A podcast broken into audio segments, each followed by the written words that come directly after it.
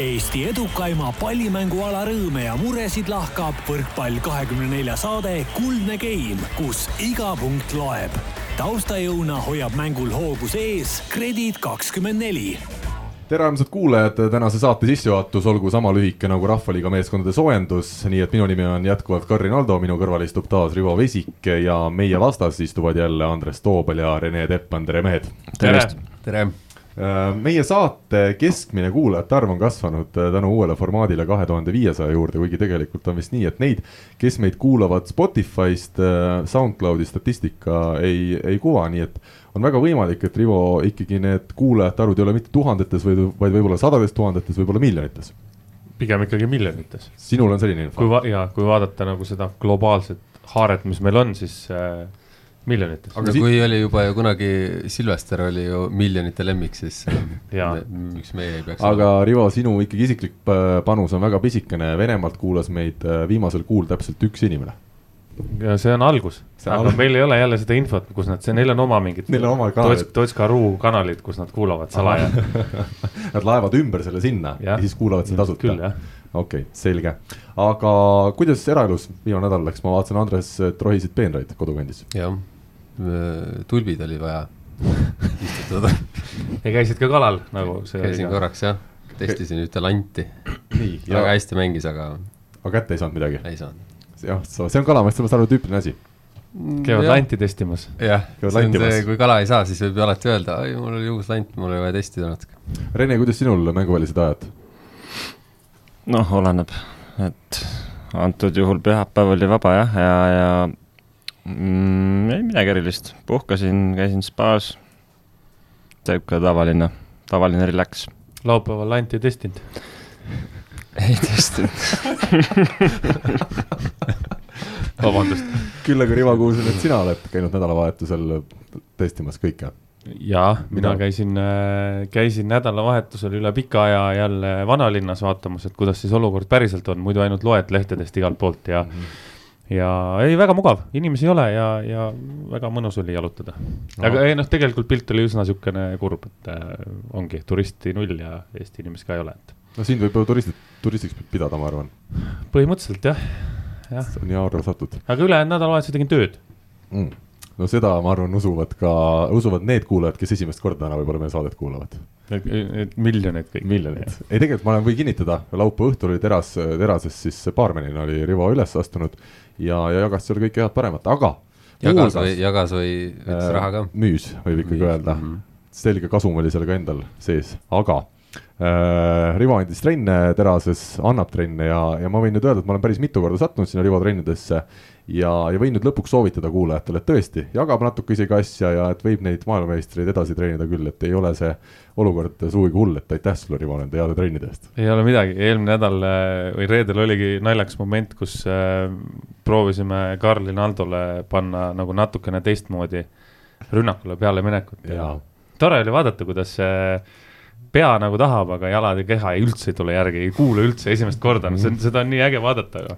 ja ma õppisin muuhulgas sellist tša-tša-tša liigutust peaaegu, et kuidas rünnaku paned stereo vastu, võtad stereo vastu ära ja siis ristsammuga tagumine siis jalg esmalt läheb sinna vasakule poole, et see rünnakule pealeminek hakkaks õigest kohast ja ja sinna see jäigi, et ega seda, kui nüüd sai turniiri nädalavahetus mängitud, siis see oli kõik järgmine kord muusikaga proovima seda. ei no siis Karl tegi jumala hästi, siis kui ta ei pidanud seda tegema, niisama tuies seal väljakul, siis ta tegi väga hästi seda liigutust. just, no see ongi, tantsusaalis oled harjunud neid liigutusi tegema, mitte ja. väljakul äh,. aga ühesõnaga nädal on meil hästi läinud, tulbid on maha istutatud äh, ja vanalinnas on käidud äh, tuure tegemas, aga Eesti võrkpallis on selja taha jäänud järjekordne huvitav nädal samuti, alaliidule valiti uus juhatus, Selve tuli karikasarjas rongi alt välja, saarlased katsetasid huvitavaid kooslusi ja Robert Täht, kellele meil täna on plaanis helistada, sai viiskümmend minutit enne mängu algust teada, et mängu ei toimugi. lisaks tuli meile meeldivalt palju väga häid küsimusi kuulajatelt, nii et äh, asume asja kallale. ega edu pole jänes, mis seest ära jookseb, ärid on edukad Hammerheadi majades nüüd siis tuleme esimese teema juurde, vahele tuli meil natukene reklaami ka, Hammerheadi majade hulka kuulub siis muuhulgas ka Manta maja, kus me, meie võrkpalli kahekümne nelja kontor asub ja, ja kuhu me oma stuudio rajasime, nii et väga hea meelega teeme natukene neile reklaami, aga nüüd siis Grade kakskümmend neli meistriliigast, vahetult pärast seda, kui me eelmise nädala teisipäeval saadet lindistasime, läks TalTech Saaremaale ja oleks peaaegu suure üllatusega tagasi tulnud, aga lõpuks ikkagi kaotas kaks-kolm. saarlaste nädala märksõna oli üleüldse see, et vahetusmehed Helar Jalg, Rauno Tamme, Ragnar Kalde, Niko Dembolanski, Markus Uuskari said mängu hooaega päris palju, sest ka nädalavahetusel ju, kui Jelgavat kolm-null võideti, oli päris palju neid nii-öelda vahetusmehi pundis. ma tuleks selle teema juurde kohe alustuseks, et äh, mina kiidaks peatreener Janis Kalmasiidist, et ta on, äh, võtab seda kogu punti ühtse pundina nii treeningul kui ka mängudel, kasutab väga paljusid mehi, ei ole nii, et tegeleb ainult põhimeestega ja, ja kokkuvõttes ma arvan, et just selliste Helar Jalgade, Ragnar Kaldete ja, ja Rauno Tammede jaoks see see hooaeg on ilmselt natuke rõõmsam, äh, kui ta oli eelmisel aastal siis Urmas Tali käe all. olete te nõus on see õige? no ma arvan, treener tegeleb rohkem ikka trenni aeg, kui see, kui jah, aga loomulikult äh, tore, kui kõik saavad mängida, aga eks seal on nagu kindlasti taust ka see, et äh, ma arvan, et seal muidu teistel meestel oleks läinud selgelt liiga paljuks, et ja, ja noh, kuna kvaliteet on selline, et sa võidki panna ja, ja tegelikult peabki siis sellisel juhul kasutama nii et kõik õige? nojah, kõik õige, aga mingi hetk ta ikkagi ei, ei pidanud vastu enam seal TTÜ mängus, et või TalTechi mängus, et seal äh, tõi, side tõi on ju teise sisse mm -hmm. uuesti ja et äh, ikka, ikkagi noh, võidutahe oli mingi hetk suurem kui, kui see, et sa laseksid sellel, nendel meestel lõpuni mängida. ei no aga point on selles, et sa vähemalt annad võimaluse neile, mitte see, et kõiki mänge mängida oma põhimeestega. selles suhtes see ju äh, samamoodi tegi Alarik Berg ka Jelgava vastu, on ju, et ta andis kõikidele mängida, sest vastasvõistkond oli ilmselgelt noh, nõrgem. Äh, Jelgava vastu võibki seda teha, vaadates neid mänge, TalTechi vastu no ikkagi nii palju kvaliteeti on, et päris nagu lõpuni ei saanudki, noh, nagu ma ütlesin, et mm, -hmm. et see mhm. TalTech ikka põksis seal vastu päris mõnuga, et aga muidu on mõte õige jah, ei ole ju pointi sul neid, äh, neid põhimehi seal kogu aeg kulutada. no ja teine asi on ikkagi see, et kui sa nendele varumeestele ka teatud hetkel võimalust annad ja nii nagu ma olen tõesti Saaremaa meestega rääkinud, et ka trennis keskendub Kalmasiidis noortele meestele, seal augustis käid mingid täitsa Saaremaa noored poisid trennis, et ta meeletult õpetas neid ja see aitab sul seda kogu võistkonna sisekliimat ju hoida heana, kui kõik tunnevad, et on vajalikud liikmed. Rene, sina oled olnud võistkondades, kus on ainult A pool ja B pool ja treener seda B poolt ei teagi, et see kas trennis on või ei ole, et äh, oskad seda kuidagi iseloomustada? Nojah, et ma oskan nii palju öelda, et äh, olen olnud kohtades, kus makstakse ka selle eest, et oleks ka B-pool tugev, et äh, Eestis võib-olla see nii lihtne ei ole, et äh, siis tulebki see treeneri töö rohkem mängu, kus kus ta mingi periood, eriti alguse poole, keskendubki väga palju just nendele noorematele ja, ja siis ja siis sellistele meestele, et, et saaks selle trenni kvaliteedi üles, mis on väga oluline, ma arvan, et ja, ja loomulikult no selles mõttes õigesti käitutud, et äh, et äh, kõik tahavad oma võimalust ja ega niisama trenni nühkida on ju üsna nüri ja, ja ütleme noh, Saaremaa puhul neil oli hea start ja, ja ütleme, selline asi annab ilmselgelt ka treenerile enesekindlust, et sa sa võib-olla paned teised mehed mängu, aga sa tead, et sul on seljatagune on tugev selles suhtes, et sa võid iga hetk seda vangerdust nagu tagasi teha ja, ja ikkagi nagu need punktid kätte saada, et et, et ma arvan isegi jah, et ma ise seda mängu küll otseselt ei näinud, et, et jah, või kui ta seal vahetaski need kõik siin nii-öelda põhimehed tagasi sisse ja läks selle võidu peale, siis noh. no aga see on ka arusaadav, sest välismaalt tuuakse treener ikkagi, et mängija peab võitma Saaremaa-sugune võistkond. ei, arusaadav, aga, aga ütleme noh, nende tabeli seis tegelikult on juba suhteliselt okei okay,, et äh, ma arvan, midagi ei oleks ka katastroofilist juhtunud, kui olekski lasknud kannatada nendel teistel meestel ka lõpuni, mis siis, et mm -hmm. oleks, oleks isegi kaotanud, siis oleks, aga, aga aga noh, seekord nii, et ütleme, sportlase hing ikkagi tahab järelikult võita ja, ja midagi ette kindlasti ette heita ei saa, jah ja Helari Alaraga rääkisin ka sellel teemal, ta ütles, et tõesti see, kuidas treeningul ka tehnikat õpetatakse veel vanematele meestele, et see on ikkagi väga professionaalne töö ja tal on natuke kahju, et ütleme, meil ei ole Eestis väga palju võib-olla selliseid treenereid täna, kes seda tehnikat nii hästi ka noortele oskaksid õpetada ja edasi anda. ma arvan, et need, äh, need treenerid on tegelikult mõnes mõttes olemas, kas nüüd nii head või, või mitte, aga aga need treenerid, kes seda oskavad edasi anda, on olemas, iseasi on see, kas seda tehakse või mitte kas noh, nii palju, kui mina olen kuulnud, siis on hästi palju öeldakse seda, et noh, meil ei ole aega sellega tegeleda, on ju, et aga minu küsimus selles, et siis, et noh, mingisuguse trenni ju nädalas ikka leiad, kus sellega tegeleda, et palju või kuhu see aeg siis kaob, et äh, kogu aeg ju ei saa mingit kokkumängu ka ju ei lihvita iga trenn, et äh, et ma arvan, selle aja leiaks ja, ja noh, võib-olla need treeneritel siis, ma räägin võib-olla täiesti valest asjast, treeneritel ei ole või sellist nägemust, et nad peaksid seda tegema, aga mis mind natukene pani muretsema, oli see, kui suurelt Riia Tehnikaülikool kaotas Tartule, et kui me siin hooaja eel ikkagi lootsime, et äkki Riia ja, ja EKA-pils oleksid sellised võistkonnad, kes suudavad meie parematele ka vastu saada, siis see Tartu laupäevane võit äh, Riia võistkonna üle oli ikka väga kindel, seal. Üle kahekümne ühe punkti ei saanud Riia üheski skeemi ees ja, ja no ütleme, Riia ja EKA-pils on siin hooaja alguses olnud kaks paremat Läti klubi omavahel neid pikki mänge pidanud, et see nagu üldmuljet väga head ei jätnud siin Läti klubidest sa seda mängu nägid ka muidu äh,? väga episoodiliselt. okei okay., ma, ma ise ka olin natuke üllatunud ja siis ma sellepärast küsisin ka Gerdi käest, et ähm, et kuidas oli, aga tema oli samamoodi üllatunud, aga aga ta ütles, et võistkonnal kvaliteeti on kindlasti, et äh, nad ise õnnestusid, Tartu nii-öelda siis õnnestus ise nagu väga noh, ütleme niimoodi, et äh, isegi ootamatult hästi, et äh, et seal niisugustes, kus kohtades oli vaja nagu punkti saada, siis nad nagu said selle ja kas see oli nagu nüüd läbi õnne või mitte, aga aga kõik õnnestus ja sellepärast ei suutnud nagu Riia nagu midagi teha, aga aga ta ütles ka, et väga head äh, temporündajad, kes seal vist üheksakümne ja ma ei tea, seitsmekümne protsendiga seal päris korralikult ära ründasid, aga aga kindlasti on seal üks mees, Avdejevs, kes, kes kindlasti saaks veel juurde panna ja et äh, sidemängija oli hea kvaliteediga olnud ja et äh, noh, seekord nagu Tartu sai selle kolm punkti kergelt kätte, aga, aga Gert arvas küll, et äh, noh, nii lihtsalt nagu järgmised korrad ei lähe. Aga nüüd tuleme siis Eesti karikavõistluste juurde, Rivo, ütle, mis meil, meil on siin üks geisha kommikarp pandud täna Selveri meestele laua peal, ütle, mis sinna suurelt peale on kirjutatud? Nii, Magical, magical moment. no ja see oli ikkagi üks magical moment, äh, kuidas nädalavahetusel Selveri meeskond Pärnu vastu võitis open, selle. Open here on ka kirjutatud ja avas selle ukse siis, kui me nüüd tõlgime eesti keelde ka selle teise lause poole.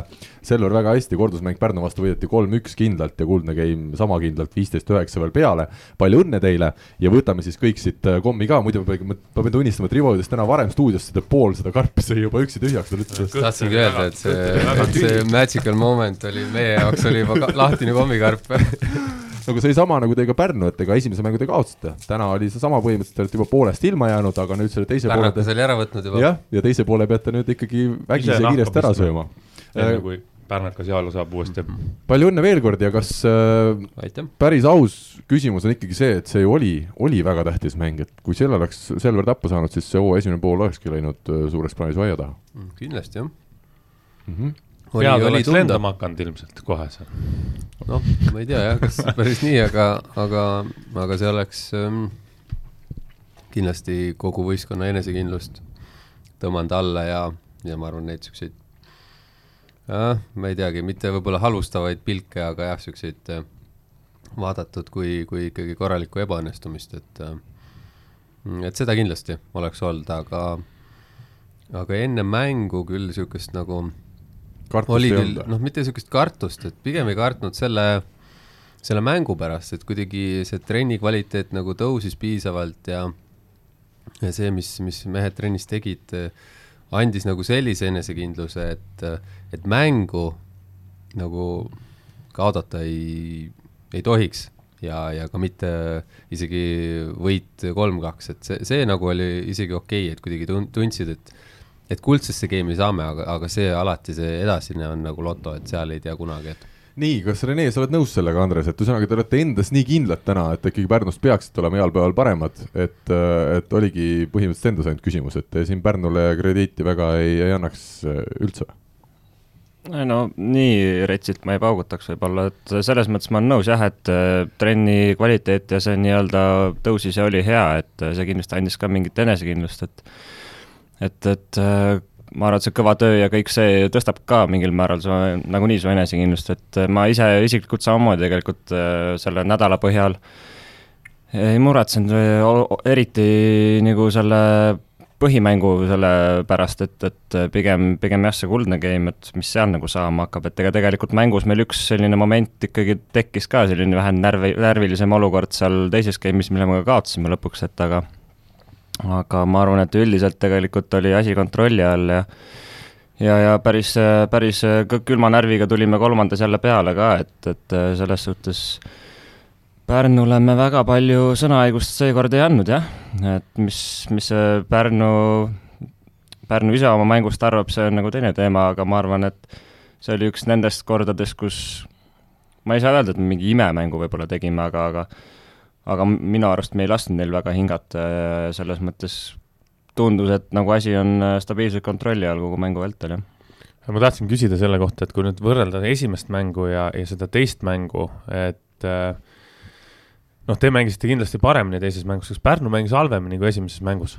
või, või, või nagu kus see vahe sul sisse, okei, teie panite juurde aga kas võib olla nagu praegu see hetk, kus need Pärnu lätlased hakkavadki nüüd natuke väsima ja alla minema? no pluss on ju Silver Maar oli puudu teisest mängust. ma ütlen lihtsalt kuulajate ära, võib-olla igaüks meil ei jälgi seda võrkpalli nii igapäevaselt, aga saadet kuulab, et Silver Maar siis on kaitseväkke läinud ja kui ta esimeses mängus veel sai aidata Pärnut, siis teises mängus ikkagi vastuvõtuosakonna üks väga tähtsaid lülisid ja kaitsemängu spetsialist äh, oli puudu ja seal Martti Keel siis sidemängija pandi üldse libero positsiooni, nii nagu Rene meil nädal aega tagasi ennustas. no jaa, aga, aga nüüd on siis, sinna otsa olekski tulnud kohe teine küsimus, see, et kas Pärnu võistkond on tõesti niimoodi komplekteeritud, kui sa võtad ühe inimese sealt ära, siis nad lihtsalt ei suudagi enam. Mm, et noh, selles mõttes, et nad võtsid nüüd selle riski, aga, aga noh, see ongi täpselt see, et see näitab seda komplekteerituse asja ka, et, et noh, no oligi näha, et see järelikult see risk nagu ei, ei, ei olnud nagu siis om, seda väärt, et et kui jah, siin oli äh, Äh, Voogel tuli sisse ja võib-olla andis mingit niisugust äh, noh, natukene stabiilsust juurde, on ju, aga aga samas äh, selles mängus oli, oli selge, et ega tal nagu ka ei jooksnud see asi ja seal oleks olnud kindlasti sidemängija vahetust ka vaja teha ja ja lõpuski see, see Taaveti väljavõtmine ja, ja jah, seal on nagu niisuguseid jah, jätab õhku niisuguseid küsimusi, et, et noh, et justkui mingi hetk, ma ei tea, mitte loobutud, aga oligi niisugune noh, vaatame, teeme mingid siuksed äh, ulmelised vahetused ära ja siis vaatame, mis edasi saab. nojah, aga tegelikult ju ei olnud panna kedagi, et kui sa võtadki selle ühe, ühe lüli sealt, mis, mis minul jäi sellest mängust silma, no miks ma küsin ka, et kas Pärnu oli nagu kehvem. minul jäi just silma see, et üks lüli sellest põhikuuikust oli läinud või sellest põhiseitsmest mängijast. ja rohkem vahetusi ei olnud, väärilisi vahetusi ei olnud, sama, mis sa ütlesid, et äh, et Voogel ei mänginud kõige paremat mängu Tallinnas, kindlasti ta oli ebastabiilsem, kui need Pärnu mängud olid olnud. ja kuna Marti oli pandud äh, liberoks, siis ei olnudki vahetust sidemängijale. ja kui Taavet pandi liberoks, siis ei olnud nagu nurgamängijale vahetust, et see üks tükk ära võtta ja asi nagu ei töötanud minu jaoks v, võib-olla see üks mäng, aga selles mängus oli tõesti, minul, minul tundus, et see ei tööta. nojah, vaata, praegu kui me Pärnus mängisime, me tegime ise ka hästi palju siukseid noh kor-, korralikke vigu sisse ja ei saanud seda palli maha ja oligi see, et noh, me lasime ka neil nagu selgelt palju rohkem ise mängida. noh, täna või ütleme siis nüüd äh, see laupäevane mäng, et siis noh, oligi selge, et me ei lasknud enam nii palju neil mängida, et et juba sealt nagu hakkas pihta ja no oligi sur-, suutsime suruda serviga nagu normaalsemalt, Pärnus olles äh, mängus oli nendel vastuvõtt ikkagi nagu väga, väga hea võrreldes praegusega, noh sealt, sealt see vahe tuleb ka juba ma ütlen kiiresti numbrid jälle, et natuke iseloomustada seda mängu. Pärnu vastuvõtt kolmkümmend üheksa, teil kuuskümmend üks protsenti, rünnak Pärnul kolmkümmend seitse ja teil oli see viiskümmend neli protsenti ja Martti Keel siis ise ka ütles pärast mängu, et ta ei arvanud, et ta nii kõvasti hätta jääb teiega just seal servi vastuvõtul, et ta sai meeletult ju kõige rohkem äh, vastuvõtul tööd kolmekümne neljal korral ja protsent vaid kolmkümmend kaks, nii et Martti ka meeskonna kaptenina ise tunnistas, et tal ei tulnud see ütleme, roll äh, oma kõrvalametis nii hästi välja, aga läheme siit edasi. Rene, jälle sinu personaalrubriik, seekord siis teises mäng, mängu teises pooles elavnesid selgelt, kui seal teise game'i lõpus ühe palli jätsid ühese ploki vastu löömata ja, ja game pall jäi seetõttu realiseerimata ja Pärnu selle game'i lõpuks võitis, siis mängu teises pooles natuke elavnesid, seitseteist punkti pluss viis, oma hetkeseisust ka paar sõna noh, jah, ütleme, et tore, tore, et võitsime, tore, et edasi pääsesime, aga, aga ma ise ei ole väga õnnelik jah, isiklikust seisukohast, et et äh, see nädal oli tegelikult väga asjalik ja väga hea, ma ütleks ausalt öeldes, et äh, kõik toimis, kõik sujus, füüsiliselt oli väga okei okay, kõik. Äh, ja ilma siis ühesõnaga, ilma probleemideta ilma probleemideta, jah mm. -hmm. ja, ja kui läks mänguks, siis kuidagi, kuidagi ei olnud seda ma ei saa, ma ei tea, kas tunnet või, või, või mis iganes, et, et et võib-olla ma ei tea, kerisin nende ootused, lootused natuke liiga kõrgeks või, või, või ikkagi sai see nii-öelda ütleme, need kordused ja asjad, see koormus sai lõpuks saatuslikuks, ma ei oska öelda, et, et aga, aga selles mõttes jah, kindlasti, kindlasti sealt saaks kõvasti juurde veel panna, et et, et nii mõnigi serviviga oleks võinud olemata jääda, nii mõnigi rünnak äh, oleks võinud teistmoodi olla, et äh, et ma ei tundnud ennast äh, mängus nii hästi, kui ma tundsin ennast trennis, jah.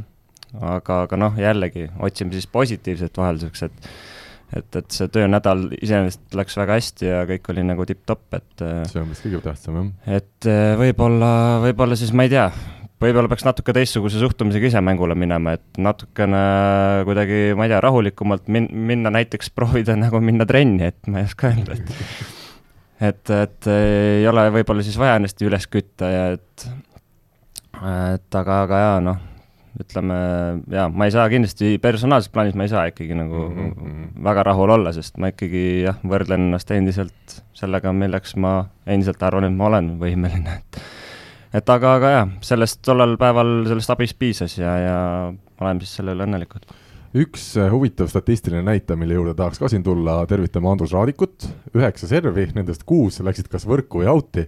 meeskonna kaptenit vaadates, see oli ikkagi väga selline huvitav, äh, huvitav mäng tema jaoks, et muidu ta ju õnnestus, ta oli üleplatsi mees kahekümne kolme punktiga pluss neliteist, aga siis läks servi joone taha, juba sa tead, teadsid, et sealt tuleb mingi selline plönn, mis ei pruugi isegi teisele poole väljakut äh, jõuda ja, ja hakkaski Rainer Vassiljev mingil hetkel vahetama ja võtma seal teisi mehi varust ja tooma sisse, et, et Andrusel oli nii aia taga see serv. oskate kuidagi selgitada või põhjendada seda meest, kes muidu teeb hea mängu, aga servijoone taga on, on sellest hoolimata hästi ebakindel?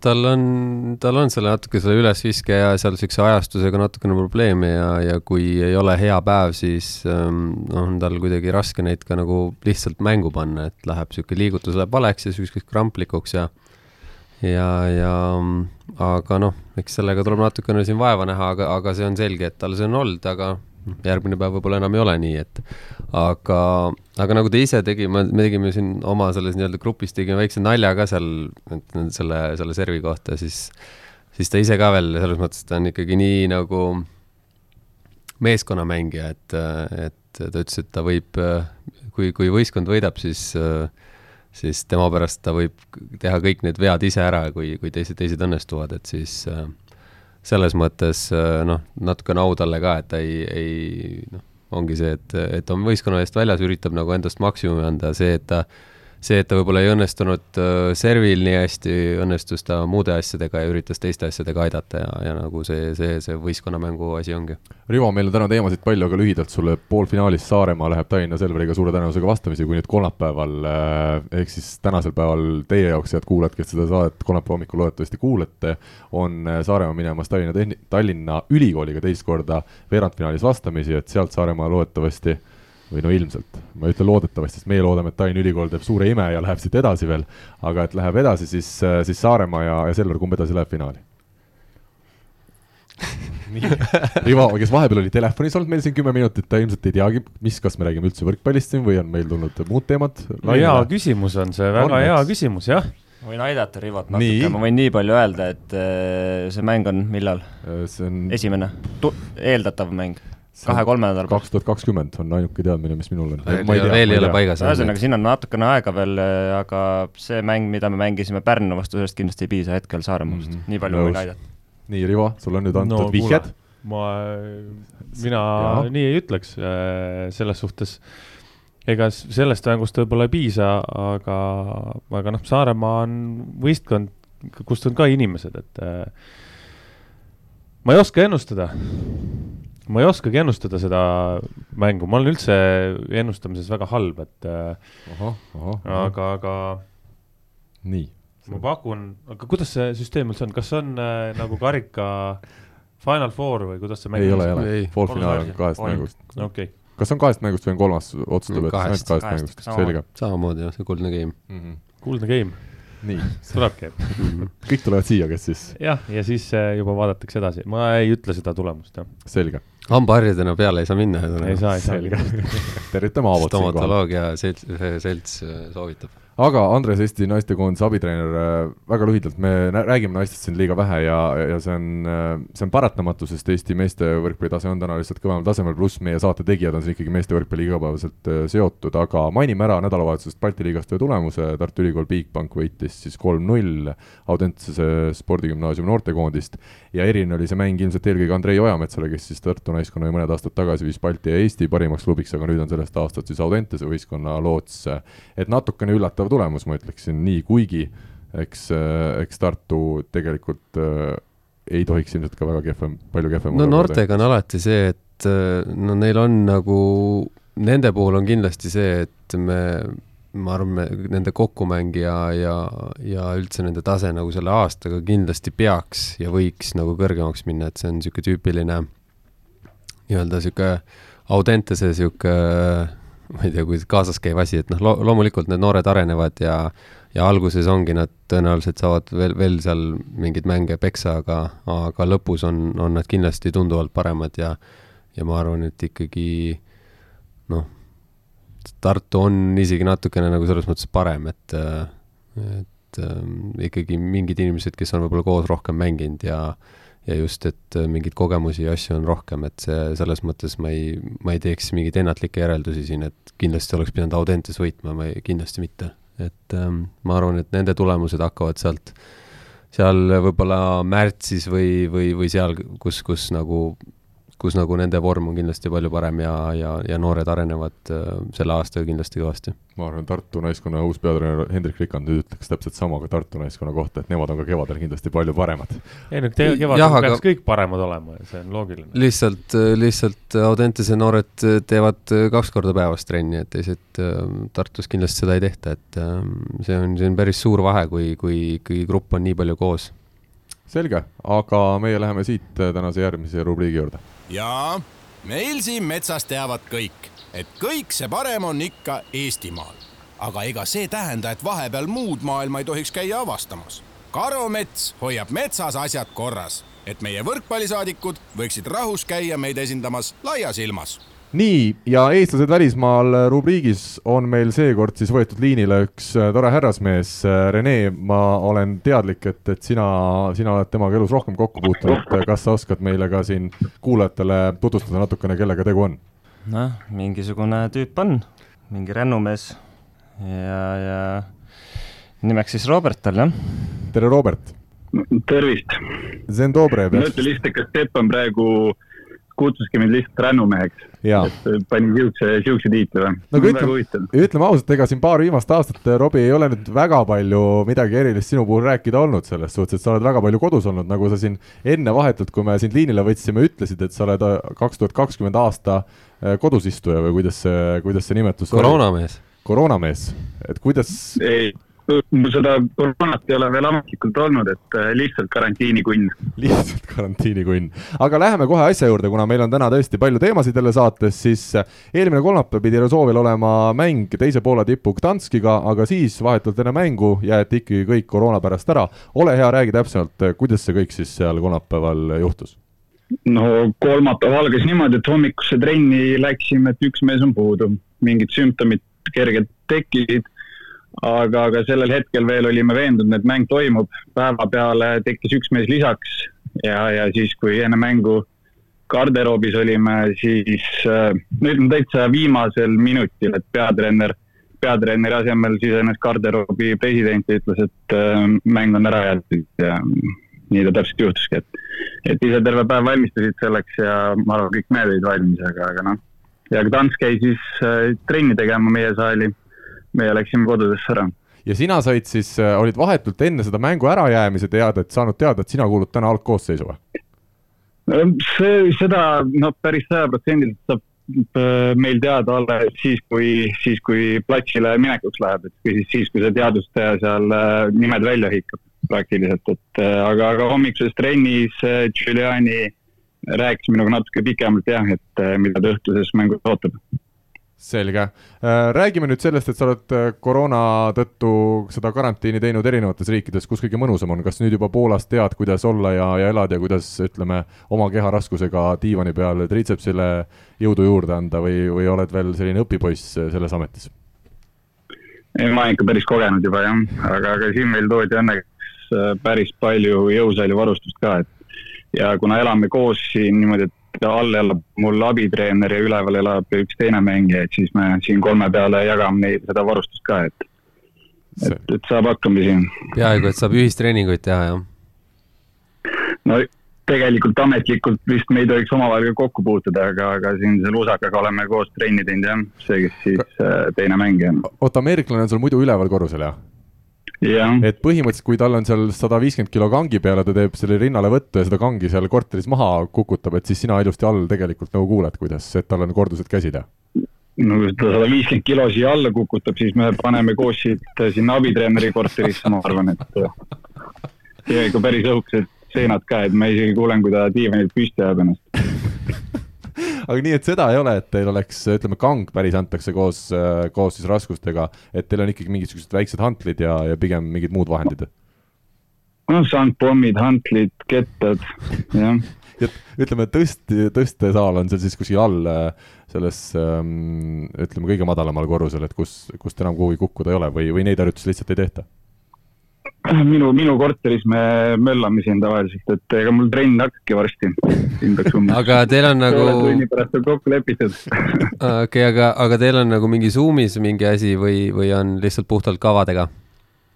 Äh, kavad on, et Zoom'i ei ole tehtud jah nii, aga räägime nüüd sellest võrkpallist ka, sinul siis äh, on, on päris huvitav see seis seal, ütleme need nimed ära, kellega seal nurgaründaja kohal äh, siis koha eest päikese all võitled, Nicolas Žerzen, Klemen Žebuli ja Rafael Bušek, äh, väga tuntud mehed maailma võrkpallis, kõik kolm võib vist ikkagi suures plaanis öelda. kas trennid on ikkagi sellised, kui te nüüd teete trenni mitte seal sinu korteris, vaid ka pallisaalis, et nina või veri ninast välja ja, ja peate üksteist üle mängima seal trennides, et väljakule saada?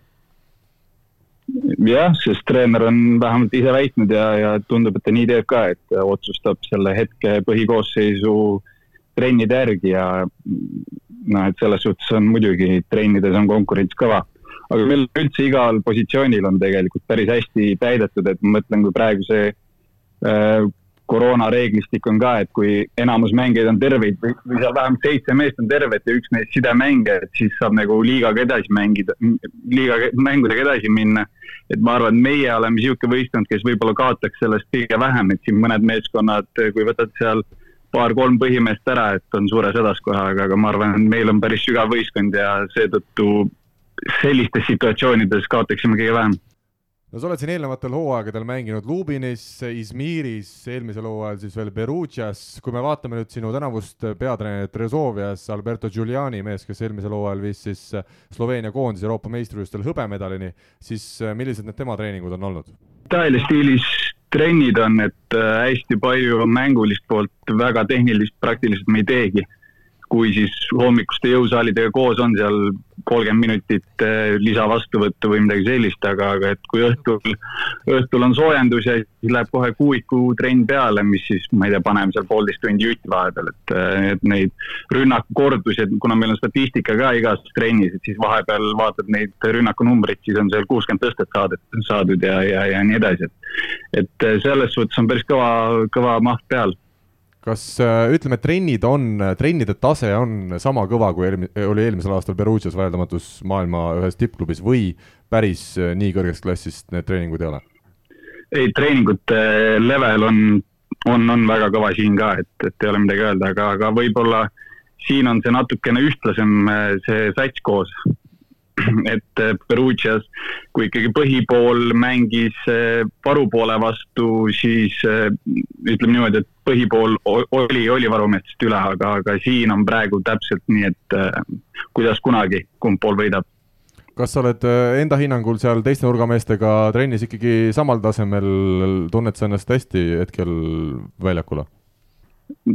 Jah, füüsiliselt on väga okei okay,, et pigem on, on, on see rütmi leidmises see asi võib-olla kõige rohkem, et et kuna eelmine aasta väga palju platsi ei saanud, et siis võib-olla praegu ka, miks on niisugused natuke ebalevad esitlused seal äh, algkoosseisus olles äh, olnud, et, et just ongi see, et pole, tahad kohe algusest peale võib-olla ennast, ennast tõestama hakata, krutid üle ja, ja, ja siis, kui asjad kohe sujuma ei hakka, et siis on väike paanika, et võib-olla sellepärast on natukene natukene, see on võib-olla pärissinud esitusi, aga, aga, aga ma arvan, et äh, taseme poolest on kõik väga hästi. selge, millal sa nüüd karantiinist välja saad, kas see on tänaseks selge või pead sa seal kevadeni olema? Seda ei tea, et homme idee poolest äh, vist läheme testima, et, et need mehed, kes, kellel sümptomid ei ole olnud, et need ei ole veel testimas käinudki, et mina kaasa arvatud ja siis, kui homme, homne test on negatiivne, siis peaks neljapäeval tagasi pallisaali saama, et loodan, et nii läheb. aga praegult palju nagu neid positiivseid on olnud siis, et, et? Äh, praegu on kinnitatud minu teada viis, viiel mehel võistkonnast aga see Eesti mees on ikkagi, mul vaatan nii kõva, et sa oled erinevates klubides ja, ja olnud nüüd seal karantiinis ja sul neid sümptomeid ikkagi ei tule, et sa lihtsalt ei lase ennast haigustega nagu kimbutada või? jah, ma ei tea, noh, et äh, võib-olla lihtsalt jopanud, aga, aga kuidagi, kuidagi olen pääsenud, jah. või sa oled niisugune natukene eestlaslikult, et sa oled alati trennis ka teistest eemal, et ega sa ei lähe seal väga juttu rääkima ja, ja silitama teisi poisse, vaid teed oma asja kuskil nurgas, venitad ja, ja sellest piisab või? Tead, ma ei oska sulle midagi, midagi head vastata siin praegu, et äh, sihuke veits arusaadav. lambi veide oli, aga, aga, aga ei, ma ei tea, noh aga ma annan sulle, ma annan sulle veel ühe võimaluse, Robbie, Rene mängib sel aastal Eestis, kas nüüd teil on ühised plaanid, et järgmine aasta tuled ka Selverisse ja veate ikkagi natukene rohkemate võitudeni selle võistkonnaga hooaja alguses, kui siin praegu Renel üksinda on õnnestunud? No ta päris üksi ei ole seal, et Aha. kaks, kaks väga head koondise poissi on ju tegelikult terve võistkond on seal väga hea, et, et eks ma ise olen ka tegelikult Selveri mänge siin algusest peale vaadanud ja, ja hea meel on näha, et nad on nüüd eh, ikkagi minema saanud päris, päris hästi selge, aga. aga selle, sellele ja. küsimusele, kas ma järgmine aasta Eestisse tulen, et, et, et seda, seda näitab aeg selge, siit siis klubide mänedžeridele natukene ka infot, et äh, Robert on järgmiseks aastaks veel äh, vaba, hetkel ei ole lepingut sõlmitud ja kui nüüd ikkagi väga suured summad kohale ajada, Rivo hakake kohe raha, hakake kohe raha koguma, praegu ja. nüüd et siis, siis Robbie tuleb järgmine aasta ka Eestisse. igatahes, Robert, äh, me väga täname sind selle lühikese usutluse eest, me soovime sulle palju jõudu, jaksu ja, ja loodetavasti siis pääsed sealt korterist varsti, varsti välja ja, ja saad jälle mängimist nautida mm,. aitäh! aga meie läheme siit edasi, täna me eestlastest välismaal rohkem väga pikalt ei räägi, vaid võtame ette küsimusi, sest tõesti kuulajatelt huvitavaid küsimusi tuli palju ja nendele tahaks nüüd vastama hakata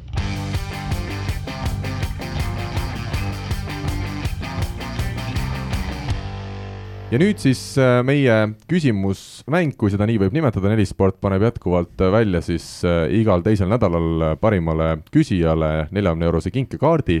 Ja meil neid küsimusi tuli seal pea kakskümmend, me oleme täna välja valinud nendest kümme ja vaatame, kuidas meil ajaliselt jaksu on, kas jõuame need kõik ära küsida või mitte. Ja alustame Deigo küsimusest, kes ütleb nii, oleks üks huvitav küsimus, kas alaliidu juhatus on varajane aprillinali ja vihjatakse siin siis äh, Eesti Võrkpalliliidu juhatuse valimistele, mis esmaspäeval aset leidsid. Ja ilmselt see küsija peab siis silmas seda, et erinevalt eelmisest juhatusest, mis oli neli aastat tagasi valitud, ei ole praegu uues juhatuses siis ühtegi treenerit ega mängijat, Aavo Keel ja Urmas Talis eelmisel korral äh, seda treenerite osakonda esindasid, mina vastaks siit kohe ära, et, äh, et minu arust juhatuses tegelikult ei peagi võrkpalluridega treenerid olema, meil on olemas treenerite kogu vist eraldi, kes siis saab oma asju seal ajada ja ettepanekuid välja pakkuda, et täna kapitalistlikus ühiskonnas on ikkagi juhatus, oleme ausad, selleks, et alaliitu raha juurde tuua. Ja tundub, et hetkel ka need äh, inimesed, üheksa liiget sinna juhatusse on selle põhjal valitud juhatuse eesmärk on võtta vastu otsuseid eh, minu jaoks ja, ja seal ei peagi olema sportlasi ega treenereid, selle jaoks on olemas eraldi, eraldi tugigrupid, nagu sa ütlesid, on olemas treenerite see kogu, on ju, siis seal on, eh, on rannavõrkpalli osakond, siis on veel seal mingisugused osakonnad, on ju, mis võiks muidugi olla, võiks ka olla mängijate selline kogu, mida vist hetkel minu arust ei ole, et kui iga klubi kaks mängijat esindavad klubi ja need saavad paar-kolm korda aastas kokku, siis ma arvan, et see tuleks ainult kasuks. ja, ja siis nende treenerite kogude ja asjade, asjade ettepanekud ja mõtted jõuavad juhatuse laua peale ja siis juhatus otsustab, et kuidas ja mida teha, et et ega nüüd nemad ei ole need, kes tulevad, istuvad maha ja ütlevad, kuule, kuidas, mismoodi me nüüd selle järgmise aasta Eesti meistrivõistluste paneme, et kuidas me loosime või mida me teeme, et see ei ole see koht, et kõikidel juhatustel on, on teised äh, ülesanded, et samamoodi võin mina öelda, et meie rahvusvahelise firma juhatuses on neli inimest, kes kolm ei tea võrkpallist mitte midagi põhimõtteliselt. et nii on ma loen need nimed vahelduseks ette ka lihtsalt, et, et kuulajad jälle natukene rohkem oleksid teadlikud, kes võib-olla seda uudist ise ei ole põhjalikult lugenud. Jaana Haidla siis Kanal Investi juhatuse liige, Lauri Kasper, Tallinna Spordiselts Kalevi MTÜ juhatuse liige, Tarmo Keskküla, US Invest AS juhatuse liige, Tanel Kiik, sotsiaalminister Keskerakond, Indrek Lukas, Aadu Lukas OÜ juhatuse liige, Rain Sepp, Compare Finance OÜ juhatuse liige, Jaano Vink, Eesti Tallex AS juhatuse liige, Anneli Ott, Riigikogu liige ja endine Võru linnapea, need on siis need nimed, kes sellest korrast on meil juhatuses ja Hanno Pevkur siis ainsa kandidaadina oli meil presidendiks üles antud ja osutus ka valituks. Rene ja Andres, kas siin teemal soovite midagi lisada ka veel? Jah, ei, eks see, eks see juhatus on rohkem niisugune majandusliku poole pealt, et ega siuksed, ma ei tea, strateegiliselt, et mis, mis mängupildiga võrkpall on, see on nüüd natuke teine teema kindlasti, et äh, ma isegi ei oska öelda, ma ei, ei ole siuksel kunagi sellel koosolekul osalenud, et mis, millest seal nagu täpsemalt räägitakse ja mismoodi arutatakse, et siis on nagu raske öelda ka, et kellest nüüd puudust tuntakse, et kas, kas seal peaks olema mingi üks treener või samas, mis, mis see üks treener ja selleks ühe treeneri vaatevinkel ainult on ja nii edasi, et, et eks sealt on siis need ütleme, need erinevad äh, siis need huvigrupid sealt eh, nii treenerite ja tõsiselt nagu, nagu Rivo ütles, tegelikult mängijate poole pealt ka, et noh, et ma võin kohe öelda siin, et siin kõik asjad käivad selle järgi, et uh, kuidas, kuidas nagu, kuidas ütleme, klubil on lihtsam ja kuidas noh, mingid ütleme kasvõi see ütleme Kredit kakskümmend neli liigagi siin, et, et see asi käib selle järgi, et noh, paneme kuidagi, kuidagi need asjad paika, et võib-olla seal oleks ka mängijatel natukene sõnaõigust juures, et kas kas kõige parem on ikka need topeltnädalavahetused, kus on kaks mängu järjest ja, ja natukene võib-olla selle ala pealt vaadata, et et äh, kindlasti, mis ta on, on, on, on see, kuidas jah, see majanduslik pool ja, ja natukene peab ka olema poliitikat seal sees. jah, et nüüd ongi see täpselt, et äh, alati see valik äh, ka, kas need on need õiged poliitikud, see on nagu omaette teema, sest valimised jälle tulevad ja nii edasi, et siis, siis alati sealt nagu tuleb see, kas, kas me saime need õiged poliitikud enda, enda nii-öelda juhatusse, kust võib-olla ka saab natukene kedagi kuskilt tagant lükata või mida iganes, et see, see on, see on alati niisugune keeruline asi ja ma ei, ma ei oska selle koha pealt nagu rohkem midagi kommenteerida, et et, et kas seal peaks olema või mitte, et see, see on juba jah, võib-olla kellegi teise otsustada. mul, kui sa, lugesid ette, sorry, Rene, kui sa lugesid ette, siis tegelikult need nimed seal on ikkagi inimesi, kes kes on võrkpalli sees olnud kes on võrkpalli sees väga pikalt olnud ja. ja nad ikkagi jagavad midagi ja noh, mitte nüüd päris äh, niimoodi sügavalt kõiki asju ja nagu Ats ütles, mingeid strateegiaid ja tehnikaid ja asju, aga, aga nemad ei peagi, et äh, nad teavad ja, ja vähemalt mingi osa inimesi sealt, ma ei ütle nüüd, et kõik ei ole, aga mingi osa inimesi, kes on väga-väga pikalt ja sügavalt olnud võrkpalli sees ja kes tõesti hoolivad võrkpallist, noh. Mm.. minu arust, mina arvan, et see juhatus on tänasel päeval väga okei. okay mul on üks küsimus võib-olla siis teile, et, et mida näitab siis see, et äh, meil on ainult üks kandidaat võrkpalli presidendi kohale? väga hea küsimus. Sest kas seda on üldse varem juhtunud? ma ütlen ära, et sa neljakümne eurost kinkekaarti täna kindlasti ei saa aga küsimusele vastuse võiksid küll saada, ma ei ma ei tea, kas, aga kas on olnud kogu aeg mitu kandidaati, ma seda isegi ei tea mina arvan seda, et Hanno Pevkuri positsioon Eesti Võrkpalliliidu eesotsas on täna nii kindel, et seal noh, see nagu kandideerimine ei oleks olnud väga selles suhtes mõistlik, et väga keeruline oleks teda võita olnud. et võib-olla kui kellelgi oleks huvi olnud, siis see kaotus oleks nii selge olnud, et pigem kui Hanno oleks teadnud, et ta ei kandideeri, et siis võib-olla oleks neid huvilisi nagu leidunud ei no huvilisi oleks kindlasti leidnud siis, kui ta ei kandideeri, et ilma presidendita ei oleks jäänud, aga no ma mõtlen, et see on no, vastus, miks ei olnud seda vastaskandidaati see vast-, see vastus võib olla selles suhtes üsna lihtne, et äh, ega see lihtne töö ei ole. et võib-olla lihtsalt keegi ei taha ja noh, võib, võib-olla ei ole seda inimest täna, kes vaataks, et kurat, mulle võrkpall nii väga meeldib, et ma tahan panustada sinna, ma ei tea, nelikümmend, viiskümmend protsenti oma ajast, et äh, üldiselt, kui sa vaatad neid, kes on olnud presidendid ja kes on alaliitude presidendid, siis nad suvalised mingisugused mehed ei ole, on ju, et nad on ikkagi kas kuskil suure firma juhatuse mehed või, või poliitikud, et vaadata kõiki, võtta praegu kõik äh, alaliidud ette ja vaadata nende presidente, siis ma arvan, et sealt, kui sa leiad sellise nime, keda sa ei tea, siis see on väga-väga harv juhus, et no Iluuisutamise Liidu president oli ju Edgar Savisaar pikalt tuntud iluuisutaja. et ja kui palju ta siis võrk- või sellest äh, iluuisutamisest mm. midagi teadis või? et see ongi minu argument, võib-olla vahel mulle tundub siin ka saatekuulajat, et ma liiga palju kiidan kõike või ma olen nõus, et Hanno Pevkur kindlasti on teinud ka valesid otsuseid Eesti Võrkpalliliidu eesotsas äh,, nagu teevad ilmselt kõik presidendid, aga mis mulle tema puhul meeldib, on see, et ta on meeletult ala sees ise, et kui meil on mitmetel ongi alaliitudel sellised presidendid, kes ei tea mitte midagi sellest äh, alast tegelikult, siis Hannot ennast see võrkpall väga huvitab, ta on ka selline mees, kellele meeldib ennast äh, väga kõvasti demonstreerida või, või olla pildis ja, ja paljuski tänu sellele on võib-olla see, see võrkpall natukene parem, kui ta võib-olla kellegi teise juhtimisel oleks, et ma, ma ütleksin nii võib-olla selle kohta. kuigi jah, kindlasti on, on parandamisruumi meil, meil kõigil ja ka, ja ka temal.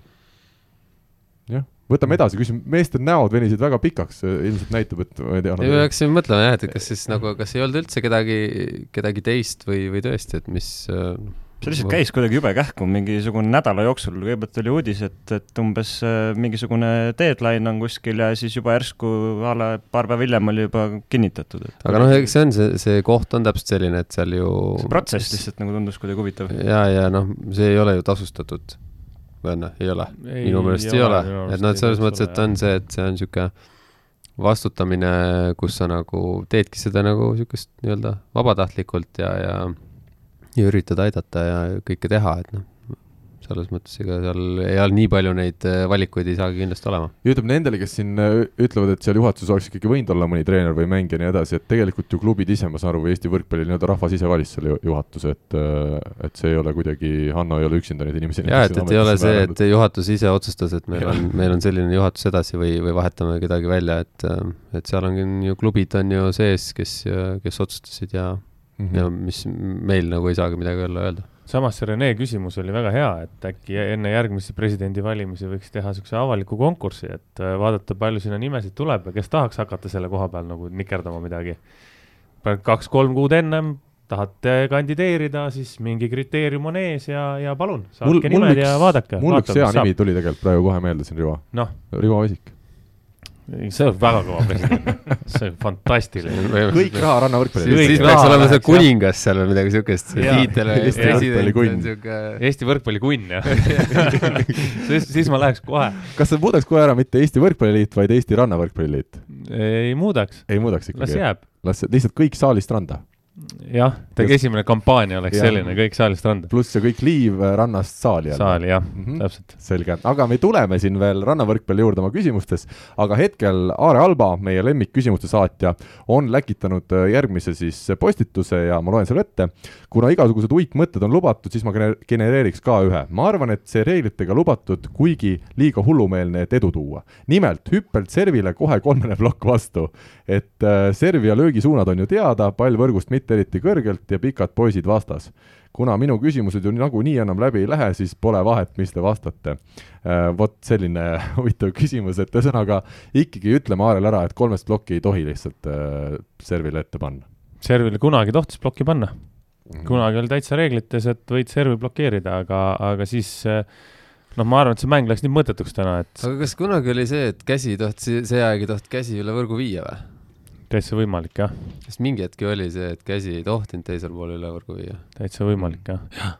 aga, aga jah, servi võis blokeerida ja kui täna seda reeglit teha nii, et paneme servile ploki ette, siis äh, esiteks hüppelt serv ja üldse serv, no sellega hakatakse nii kõrge kaarega servima, et kujuta ette, kui sul on seal kolm mingit mm -hmm kaks null viis elukat hüppavad plokki, et sa pead ikkagi üle antenni hakkama servima seda palli, et saaks mööda.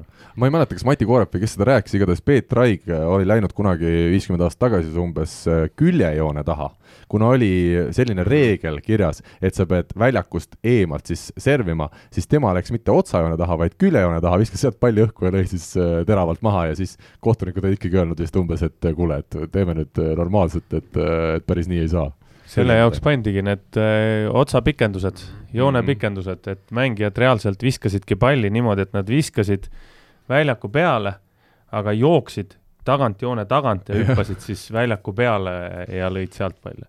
kusjuures selle kohta tuli meelde just sellest Selveri ja Pärnu mängust vaatasin ükskord, kuidas noh, ma ei ole välismaa, välisliiga mänge üldse jälginud, ei saa kätte lihtsalt mm -hmm. ja ma ei viitsi nii palju neid otsida kuskilt, et, et hakata vaatama ja polegi näinud nagu sellist äh, super nagu kõva servi.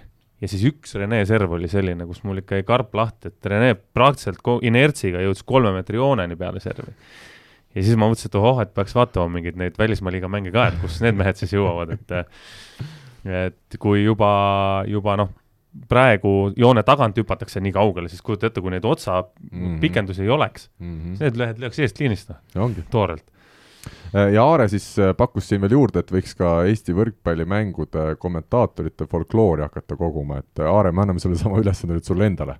et hakka koguma. võid koguda võid koguda ja võid meile siis paremaid läkitada või panna kuskile postitusele. Läheme edasi, Hannes Hansalu küsib meie käest, tere! esitan siia küsimuse Kuldse Keemia saate jaoks, jälgin see suvi hoolega Rannavalle karikasarja etappe ja üks asi jäi mind kummitama. mis värk on sellega, et absoluutselt kõik Rannavalle kohtunikud on suure õllekõhuga see on selline küsimus, millele on minul väga keeruline vastata, kas Rivo, sina oled aru saanud? Äh, Hannes äh, on jah, on, on selline mees, kes nüüd see aasta on nii palju rannavalle trenni teinud, et ta peaaegu sama palju teeb kui sina, ta oli muide meil koos reedel trennis, nagu sa mäletad. siis äh, noh, vaata, vaatame kõiki siis saalikohtunikke ka, et kui palju seal niisuguseid lihalisi, lihaselisi mehi üldse on. Ja see annab natuke ikkagi kaalu juurde selles suhtes mitte ainult siis füüsilist kaalu, vaid ka sellist, kui sa näed, et inimene, kes sulle vastu tuleb, on selline noh, elukogenud, ütleme siis nii. et, et siis, siis usud rohkem teda usud roh rohkem, jah. ja see on pigem just see, et sa võid seal kaugutada all, et järgi ei jõua pärast ju. eriti liivas ei teagi, väga, see on väga hea küsimus ja, ja. ma arvan, et me jääme siin vastuse saadame võlgu. selle sinna treen- või selle kohtunike kogule saadame kirja siit et.... pluss, pluss saadame, ma ütlen lihtsalt kohtunike kogule, saadame ka need füüsilise ettevalmistuse need plaanid, et, et järgmiseks suveks oleks siis olukord veel natukene teistsugune. kusjuures minu arust MK-etappidel on mingi piirang peal, et kohtunikud peavad, et nad ei tohi olla nagu reaalselt selles suhtes ülekaalus, et valitakse siis ikkagi neid, kes on paremas füüsilises vormis ja seda puhtalt sellepärast, et on väga stressirohke töö mm. -hmm. ja, ja tegelikult äh, jah, kohtunikest äh, natuke ma hakkasin just mõtlema, kui seda küsimust ka lugesin, et äh, alati, kui me kohtunikest räägime, on alati midagi kehvasti öelda, et see on ikka päris karm amet et kunagi keegi ei ütle, Rene ei ütle pärast mängu siin Pärnuga, et, et noh, mäng oli, kuidas oli, aga tänane kohtunik oli, tegi superpartii, et seda ei juhtu ju mitte kunagi no kohtuniku jah, selles mõttes töö ongi mitte nagu olla, olla märkamatu Just. selles suhtes, et äh, see no,, see. kiitus on see, kui, kui ei öelda, et tegi lolluse. aga no jah, miks, miks võib-olla siis võrkpallis on nagu selles mõttes võimalik äh, ka õllekõhuga olla, noh, võrreldes, ma ei tea, jalgpalli, korvpalliga ju see on vähem füüsilisem ilmselgelt, või noh, see ei olegi selles mõttes füüsiline, et see pigem ongi vaimne töö sa näid mm, -hmm. et sa pead ju kossus ja, ja jalkas sa pead ikkagi kaasa jooksma nende meestega mm -hmm. seal, naistega, et et see on selles mõttes teistmoodi. kusjuures rannas võib-olla isegi tuleb kasuks, vaata kui tuuline ilm on ja mingi peenike kohtunik, see hakkab, kurat, lendab minema sealt pukist. nagu tuulelipp. jah, jääb rippuma sinna vilenööriga posti külge nii, aga läheme veel tõsisemate teemade juurde. Dmitri küsib meie käest, perekonnanimi Korotkov ilmselt on tegu võrkpalluriga. sooviksin osaleda loosi mängus ja minu küsimus on järgmine. mis mõjutab mängu kvaliteeti rohkem, kas füüsiline vorm või vaimne seisund ja olek? vastata võivad kõik nii, ja kindlasti oleks võr-, võ, huvitav võrrelda Urmas Piigi ja Rene Teppani vastuseid, aga noh, täna meil Urmast ei ole. nii, Rivo, alustame sinust. mõlemad on tähtsad. Selles suhtes on mõlemad tähtsad, et sa ei saa ju, kui sa, sa võid olla füüsiliselt eh, hirmus tugev, on ju, ja aga kardad mängida, siis sa kaotad ja kui sa võid olla peas nagu hirmus tugev, et ma lähen nüüd tegema kõiki asju ja, ja üldse midagi ei karda, aga füüsiliselt oled nõrk, siis sa ka kaotad, ma arvan. Jah. täna, ja aga see oleneb, näiteks saali võrkpallis oleneb jämedalt positsioonist ka mm., nagu jõhkralt, et sa Nii. sidemängija ei peagi olema sul mingi suurte õlgadega väga tugev mees, on ju.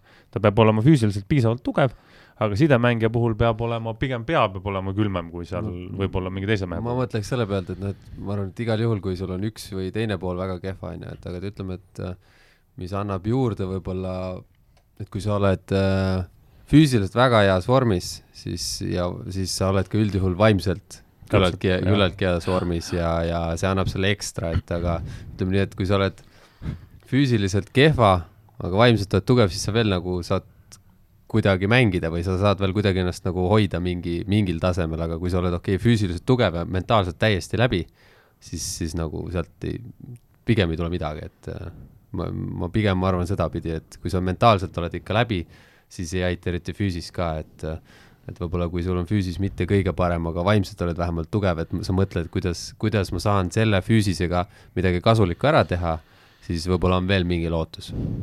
Rene, on meil lisada midagi või see on suhteliselt äh, lihtne, jah? nojah, eks need käivad käsikäes, no ütleme, mingil määral minu arust see sõltub natuke nagu tasemest ka, et ütleme siin äh, näiteks Eesti, Eesti esiliigas, kui ma ise kunagi mängisin, siis no ütleme, mingisugune Tatrik, kes ei olnud enam füüsiliselt võib-olla nii hea, aga vaimselt jube tugev, suutis ikka normaalselt läbi jebida juba enne mängu seal noored mehed, et meie lõime seal meetrit, tema läks servima meile vastu, et no niisugused asjad juba viisid enne mängu endast välja, et et aga ütleme, tippvõrkpallis näiteks, ütleme füüsiliselt on kõik tegelikult kõvad seal juba nagunii, on ju, et, et seal tegelikult äh, ongi see see vaimne pool ka tegelikult üli, üli nagu kõrgeks timmitud, et see tegelikult ei, tundub võib-olla kõrvalt vaadates, näiteks tippvõrkpalli ka vaadates, et, et et, et kes on umbes tugevam, see võidabki, aga tegelikult, kuidas need mehed suudavad genereerida ka oma peas taktikalisi nüansse ja kõike seda, see on noh, ka ikkagi samal tasemel nagu see füüsis, noh. Mina tahaksin Tiimole öelda seda, et äh, olen mina siis kogenud seda varianti, kus nii füüsiline kui ka vaimne seisund on kehva, et siis üldiselt ka mängust ei tule asja on. jah, tippsport on ju tegelikult samamoodi, nagu sa kohtunike kohta ütlesin, tippsportlane peab olema väga stressitaluv äh, inimene, et äh, sa pidevalt oled väljaku peal stressiolukorras nagu mm -hmm. pidevalt, et sul mm -hmm. ei ole võib-olla seal jälgava vastu mingites seisudes ei ole stressiolukorda, aga, aga, aga enamus ajast sa oled ikkagi surve all. Läheme edasi, Martin Roos küsib meie käest, tere paarkümmend aastat tagasi mängiti game viieteistkümne punktini ja servi õiguse no ühesõnaga oli siis see, et sa said punkti ainult juhul, kui sa oma servilt said, äh, said punkti, ütleme nii. Äh, mis mehed arvavad nüüd sellest reeglist? et ajaga võiks selle tagasitoomisega minna lappesse, aga serviga saaks palju rohkem riskida. mis me kommenteerime? mina võin kohe alustada näiteks, et äh, serviga juba nagunii riskitakse jõhkralt, et see, see on suhteliselt äh, number üks element hetkel võrkpallis tegelikult, äh, mida tipule jälle lähemale, et äh, jah, võib-olla tundubki siin Eestis paljudele nii-öelda oma ala ekspertidele, et mis, mis siin nagu toimub, et kakskümmend servi viga ja nii edasi, et äh, mängu iseloom lihtsalt ongi selline, et sa võid kakskümmend servi viga teha, aga ütleme, toome kas või näite meie oma mängust viimasest, et jah, okei okay,, kakskümmend neli servi viga, see oli palju ja see kvaliteet kohati ei olnud nii hea, aga samas oli moment, mängus, kus ma ise tundsin, ütlesin ka meestele, et kurat, meie serv on natuke liiga pehme, et me peame juurde kerima, et, et no nii kui me natukene vajutasime, Pärnu oli hädas kohe, et see tegi selle mängu nii palju lihtsamaks, et et see serviga paugutamine lihtsalt on, noh, ütleme sellepärast, et ka tipus, kui sa paned plönni üle, see lihtsalt see heast vastuvõtust side out on, sidejad on niivõrd kõval levelil ja ründajad samuti, et see on puusalt panen, ma arvan, et lööd kaheksakümmend protsenti üks-ühele vähemalt olukordi ära, kui mitte rohkem, et sellel ei ole pointi lihtsalt. Ma just, tuli meelde see asi, et kui, kui see reegel nüüd vastu võeti, kus iga punkt, iga viga oli nagu punkt, on ju, siis äh,, siis ma mäletan seda hetke, kui Willie Vantsi seda kommenteeris, et näed, et nüüd nagu servil nagu võetakse kõik maha, et nüüd ei julge ju keegi serviga nagu riskida enam, et noh, liiga kergesti läheb punkt ära aga läks ju tegelikult ainult väga vähe aega, kui, kui hakati nagu päris korralikult, noh, kogu see mäng läks teistsuguseks, et algus nagu kõik arvasid, et seda, et noh, et sealt ega seal väga palju enam riske ei võeta ja läheb siukseks rohkem nagu siukseks rünnakumänguks, et kuidas keegi sidemängija jagab seal, aga aga selge oli see, et läkski, mäng läks nagu selgelt liiga lihtsaks, et uh, pidigi hakkama sealt serviga suruma ja oligi kõik, et mängu iseloom täiesti muutus. ma arvan, et see on selles suhtes võib-olla isegi ei ole see teema nagu või püstitus isegi vajalik praegu, et see, nagu te ka ära põhjendasite, see viieteist punkti peale tagasiminek nii, et sa said oma servimise pealt punkti, see ei annaks suurt midagi enam jah, seal mingid mehed hakkaksid proovima kõvasti ja kõvasti servida, kunagi ei tea, kui kaua see mäng kestab ja mm, -hmm. ja ja üleüldiselt ma arvan, et mingi stabiilsus võiks olla, et siin iga aasta pole vaja neid reegleid muuta küll võrku ja, ja võrgust. tänasel päeval jah, sellises mängupildis nagu praegu nagunii on ma..., vaatad Poola liigat, ma vaatan ka karp lahti, mingid vennad, kes on eluaeg planneri mehed olnud, proovivad sul hüppelt servi, et kõik on nagunii selle riski, riskeerivama asja poole teel. ma arvan, et see teeks jälle nagu selle vaatamise ka, et need reeglid läheksid veel keerulisemaks, et niigi on, ma arvan, võrkpall niisugune, millest millest äh, väga paljudest puudetest inimesed aru ei saa, et siis see läheks, läheks veel keerulisemaks ja raskeks ajaliselt, ajaliselt läheks ta ikkagi mm. nii pikaks, et seesama side out on nii hea ja kui serviga hakatakse riskima veel rohkem ja eksitakse veel rohkem, siis see tähendab seda, et sa võid servida praktiliselt null-null seisult, sa võid kütta seal kakskümmend minutit mängu, noh, pool tundi mängu, et see ajaliselt läheks mm -hmm. nagu päris, et sama hea näide, see Tartu ja Jelgava mäng on ju, mis sai väga kiiresti läbi. Ja ma arvan, et see mäng oleks kindlasti olnud üle poole tunni pikem, kindlasti kohe. Ja siis need kolm-kaks mängud, mis tänapäeval on, sel, sel, seal pandakse juba neli-viis tundi, et äh, Selver võiks siiani Pärnuga võib-olla seda veerandfinaali korda jah, võib-olla küll, jah.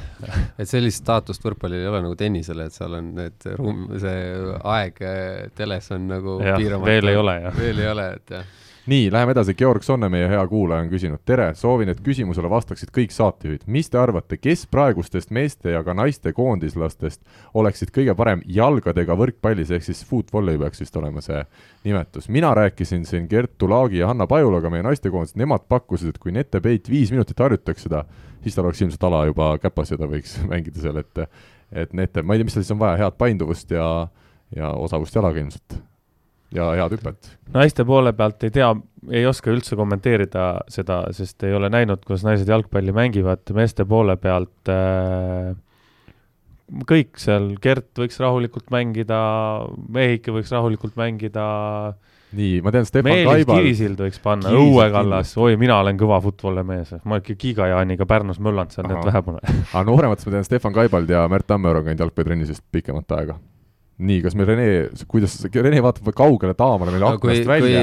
me räägime jalgpallist, no mina ilmselgelt ei ole see mees nimekirjas ei olnud, koondise nimekirjas ei olnud, aga Alari Saar oleks kindlasti ja, kes, jah, täpselt, jah, ja, ja, ja see on nüüd õige, Alari Saar on number üks, me tuletame kuulajatele meelde, mees, kes on mänginud. ikkagi ma arvan, et äh, vaata, veel mina näiteks Pärnu ajal oli hästi palju mängiti jalkat äh, soojenduseks, et praegu et nagu ei mängita põhimõtteliselt enam vist kuskile, et, et et ma pigem arvan, et need natuke vanema generatsiooni mehed oleksid jalaga natukene osavamad, et mm. -hmm. see, siis kui esiliigas olin päris pikalt äh, siin Audentesega, siis läks nii, et Rauliga, algul Raul nagu tegi soojenduseks ja mida aasta edasi, seda vähem mängiti jalkat soojenduseks, sest kõik olid nii kaikad, kes tulid, keegi ei saanud jalaga pallile pihta Teppan, Teppan muuhulgas või? ei no kõik, kes no, sealt järjest, järjest tulid ja siis mingi hetk lihtsalt Raul lõpetas ära, ütles, et see on pointless mäng et kõik jooksevad lihtsalt kuhugi ja keegi lüüa ei oska. oota, aga minu küsimus, Rene, sa ütlesid, et sa ei ole suur jalg, jalgpallimees või?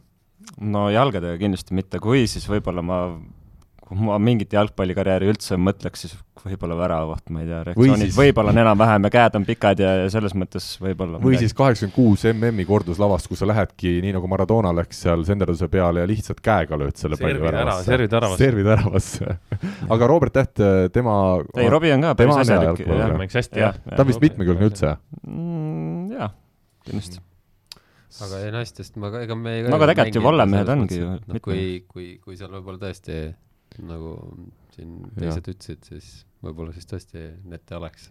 teisi Just. ma ei, me vaata korra ka koondise juures ju ei mängita ja et väga raske öelda. jah, ja, ja meestest siis Alari Saar jah, ütleme veel kord ära, et mees, kes on ikkagi mänginud meil meistriliigas aastaid. kuigi Alari Saar minu teada on kaitsja, noh, et ta peksab vastaste sääri võib-olla kohati rohkem. ta on äärekaitsja, tänapäeval on äärekaitsja see, kes lõpust lõpp ära vabandust, okei okay,, ma rohkem ei räägi nii, läheme edasi, väga huvitav küsimus minu arust Georgilt, niisugune väga kastist välja, ütleme isegi kasti ei ole näha sealt, kus see küsimus esitati. kuue, kuue kasti, kuueteist kasti seest. jah, ja nüüd äh, tema, Georgi teine küsimus, tutvustage mängijate rituaale näiteks enne servimist. kas on äh, mingeid selliseid äh, rituaale kellelgi, nagu Rafael Nadalil on tennises? ma tean, et osad jäävad äh, nagu väljaku sisse joone nagu taha, ootavad, et palli poiss viskaks selle sinna, sealt siis võtavad, ma ei tea, siis puhastavad tallad ära ja lähevad mm -hmm. noh, ma ei tea. Renel on ka mingi rituaal, on ju? No ütleme jah, võib-olla kõige levinum on siis ütleme see nii-öelda palli põrgatamine ennem kui sa siis selle viske nagu teed, et, et, et teatud korda?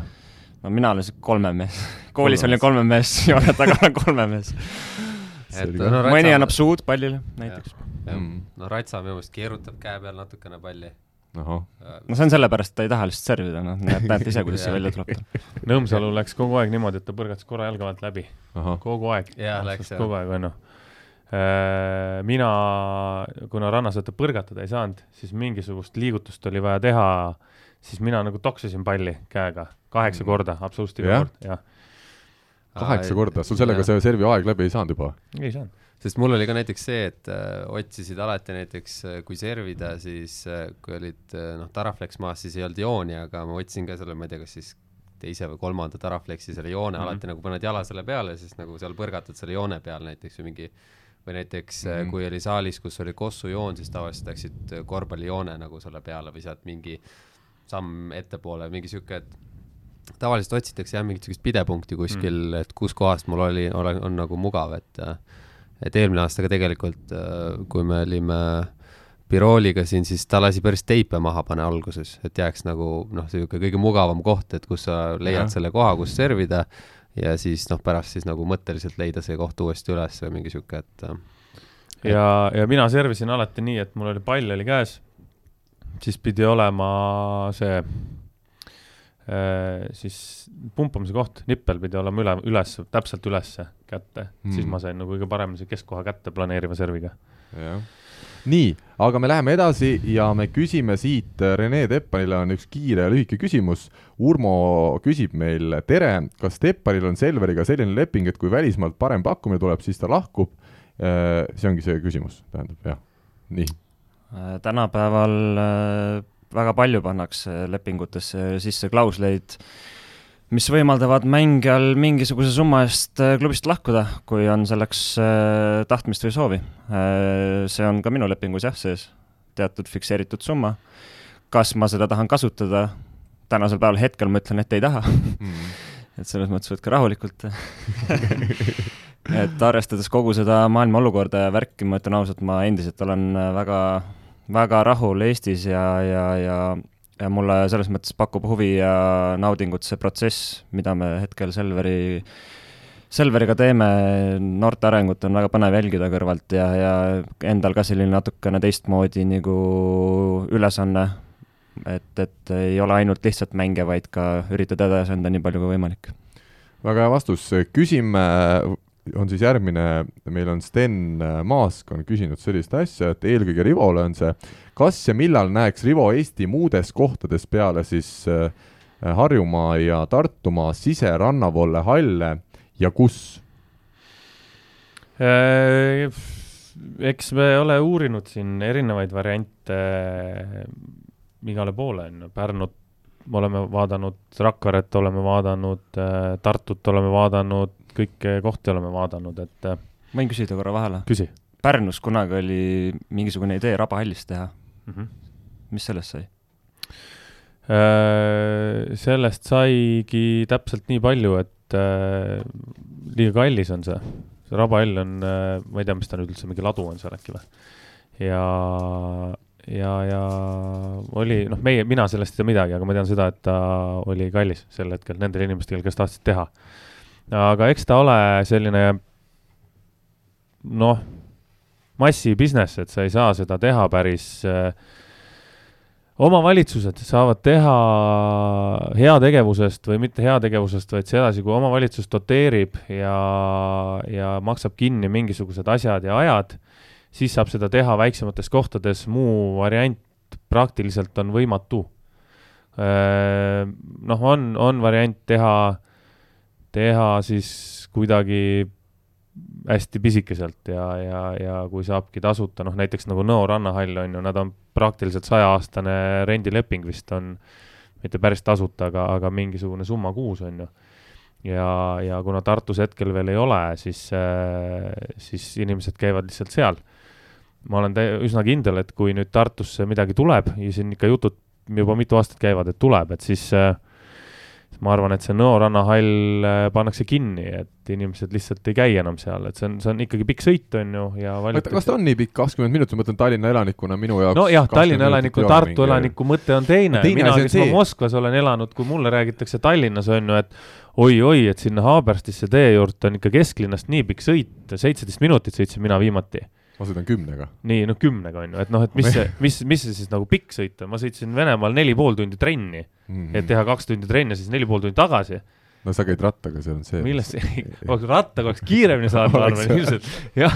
ei, aga minu, ma tahan argumendi tuua, kui Terases ja Ülemistel ütleme, see keskmine saaliaeg on seal viiskümmend, kuuskümmend eurot äh, poolteist tundi, siis äh, Nõos on äh, kas umbes kaks korda odavam see. et Nõo võibki jääda selliseks nišikohaks. Et kui sealt Tartusse tuleb hall, ma eeldan, et see on uhkem, moodsam, eks ole, seal on see tunnihind lihtsalt nii palju kallim, et need, kes tahavad odavalt saada mängitud, need lähevad ikka Nõosse äkki. nõkku, nõosse, mõlemat pidi võib öelda eesti keeles. Äh, jah, jah, noh jah, ma. ma mõtlen, tal ikkagi või oma koht võib jääda. oma koht võib jääda, jah. kuigi ma arvan, et kui, et see Tartu hinnavahe ei tule nii suur. ma arvan küll, jah. omavalitsuse toetust on tarvis, muidu väikeste kohtadesse, meil oli üks mõte, mis praegu on natukene niimoodi jäänud soiku koos Jalgpalliliiduga midagi teha, aga, aga ta praegu on jäänud seisma.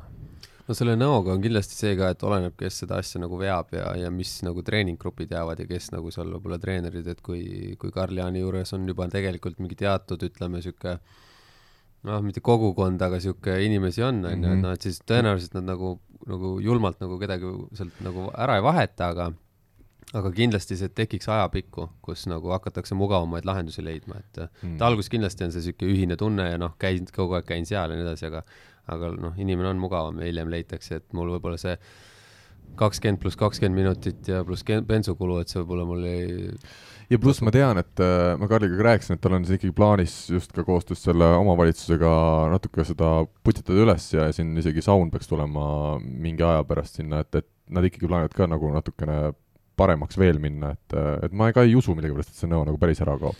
Ehm, noh, ma arvan, et ajapikku ta läheb nii, sest äh, kui lastetrenne teha seal äh, mingisuguseid ka grupitrenne, kui sul on valida Tartu linnas on ju, kui sul on valida, kas sa sõidad sama kümme minutit või kakskümmend minutit ja sul, sul see hinnavahe on, ütleme, kümme kuni kakskümmend eurot, siis enamus inimesed sõidavad kümme minutit.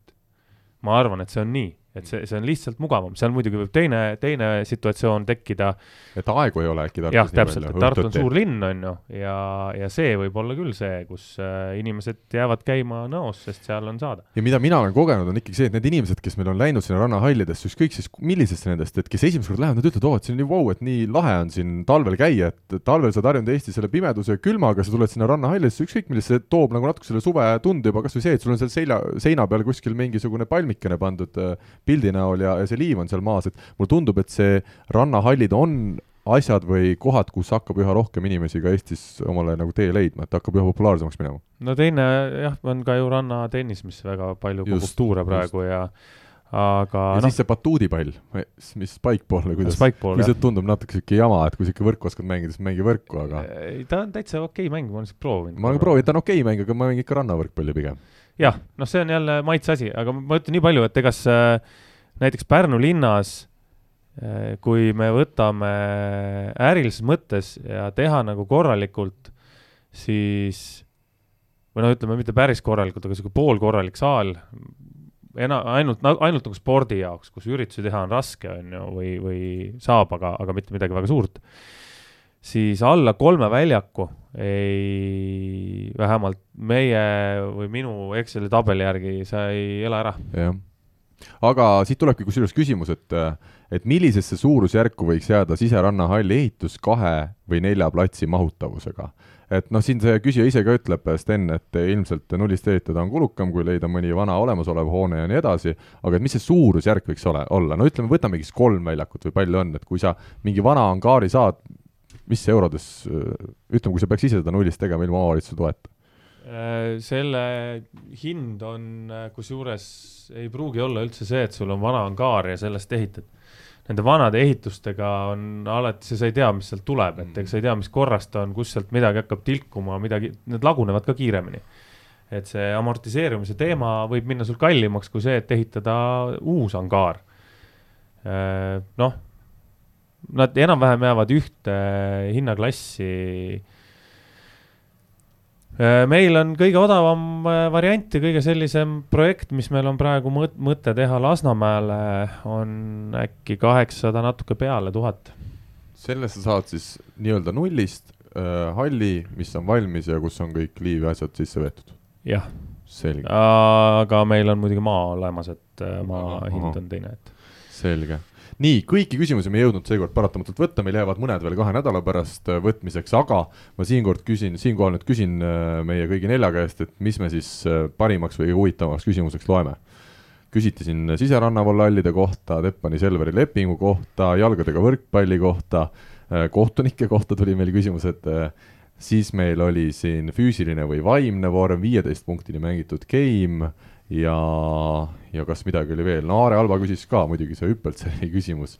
Ja et kas alaliidu juhatus on aprillinali, oli meil esimene küsimus, siit-seast nüüd võiks midagi valida, kas, kas äh, nii, Rivo? see viimane maks viimane. siseranna oli ja. küsimus, ma arvan ka see on, see on teema, mis päris paljusid võrkpallisõpru võib-olla kõnetab ka, et, et võrkpalli tahaks mängida talvel ka liiva peal ja, ja huvitav oli kuulata neid mõtteid sel teemal jah, täitsa võimalik jah, no siin ma ütleks sinna lõpetuseks veel, et, äh, et tegelikult kui oleks võimalust ja abi, et siis võiks alaliit ka mõelda selle peale, et panna kuhugile väiksematesse kohtadesse, kasvõi tegelikult kõige lihtsam seda asja on ehitada ju kellegiga koos, et kui te teete kuskile, ma ei tea, Viljandisse tuleb uus suur spordisaal või, või Võrru või kuhugile, siis see mõte oleks pidanud olema enne seda, kui need valmis ehitatakse, sest kui sa hakkad, projekti sisse kirjutada. täpselt, et kui sa hakkad sinna ehitama, siis sa saad teha selle ühe väljaku, mis, sest kogu maja sulle aitab juba katta ära seda tasu ja siis sa saad sinna panna ühe väljaku, eraldada ilusasti ära ja, ja siis nagu teha, et see on kõige lihtsam väiksemates kohtades mm. -hmm.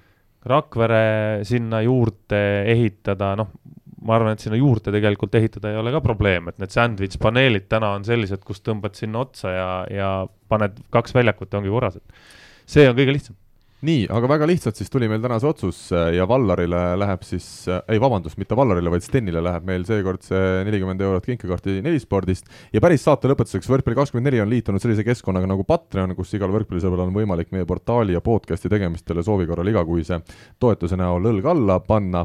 natuke siinkohal taustaks infot ka, et miks me seda teeme, täna on ju sisuliselt kogu arenenud maailm läinud seda teed, et pikemad lood ja kohati juba ka podcast'id on portaalides tasuliseks läinud, äh, sest tasuta pole teenust või toodet klientidele igavesti võimalik võimalik pakkuda, aga et minu kindel soov oli see, et meie lugejad ja kuulajad saaksid oma lemmikalast huvitavad lood kätte sõltumata rahalisest võimekusest, siis sai otsustatud, et teeme selle siis toetuse vabatahtlikus vormis. täna on nimelt meie eelarve võrkpalli kahekümne neljas natukene eelmisest aastast madalam, nii et iga aba, abikäsi kulub marjaks ära, et saaksime portaali praegusest taas veidi tõsisemalt tegema hakata. ja seda ma tõesti luban, et iga euro, mis kuulajatelt ja lugejatelt tuleb, läheb just sisu tootmisse ehk äh, sellesse, et podcast sellise suure koosseisuga ka edaspidi saaks toimida ja portaalis rohkem kui üks inimene regulaarselt artikleid kirjutaks. toetada saab Võrkpalli kahtekümmet nelja igakuiselt siis kas kuue või kaheksateist euroga ja rohkem infot leiab meie portaalist, kus ülaribas on rubriikide seast Äh, Patreoni märksõna ja keskkond kergesti leitav. ja sama kerge on ka toetajaks asumine, proovisin ise selle tee läbi ja võtab umbes kaks minutit aega, igatahes aitäh kõigile kuulajatele, sõltumata sellest, kas te plaanite meile õla alla panna või mitte ja Rivo, millal me kuulajatega uuesti kohtume? Järgmine nädal ilmselt, see oli nii jõhkralt tulistasid praegu äh, lõppu siia. see apteegireklaam, vaata see. ravimite kõrvaltoimete tegimisel palun ühenduge arsti või apteekriga Rivo, sa vaatasid lihtsalt telefoni peal lahti, et saaksid juba uurima, kuidas seda Patreonis seda toetust saab panna. ma juba tegin ära. tegid juba ära? jah nägid, kui kiiresti läks? nats alla milli panin kui nii, siis ei ole meil rohkem nii abi vaja. tru-, trumbake mind üle mina juba tegin nii, suur aitäh kõigile kuulajatele ja tõesti, nii nagu Rivo lubas, miljon on teel ja uuesti kohtume nädala pärast. nägemist Eesti kõige põnevamad podcastid on Delfis, kuula tasku.delfi.ee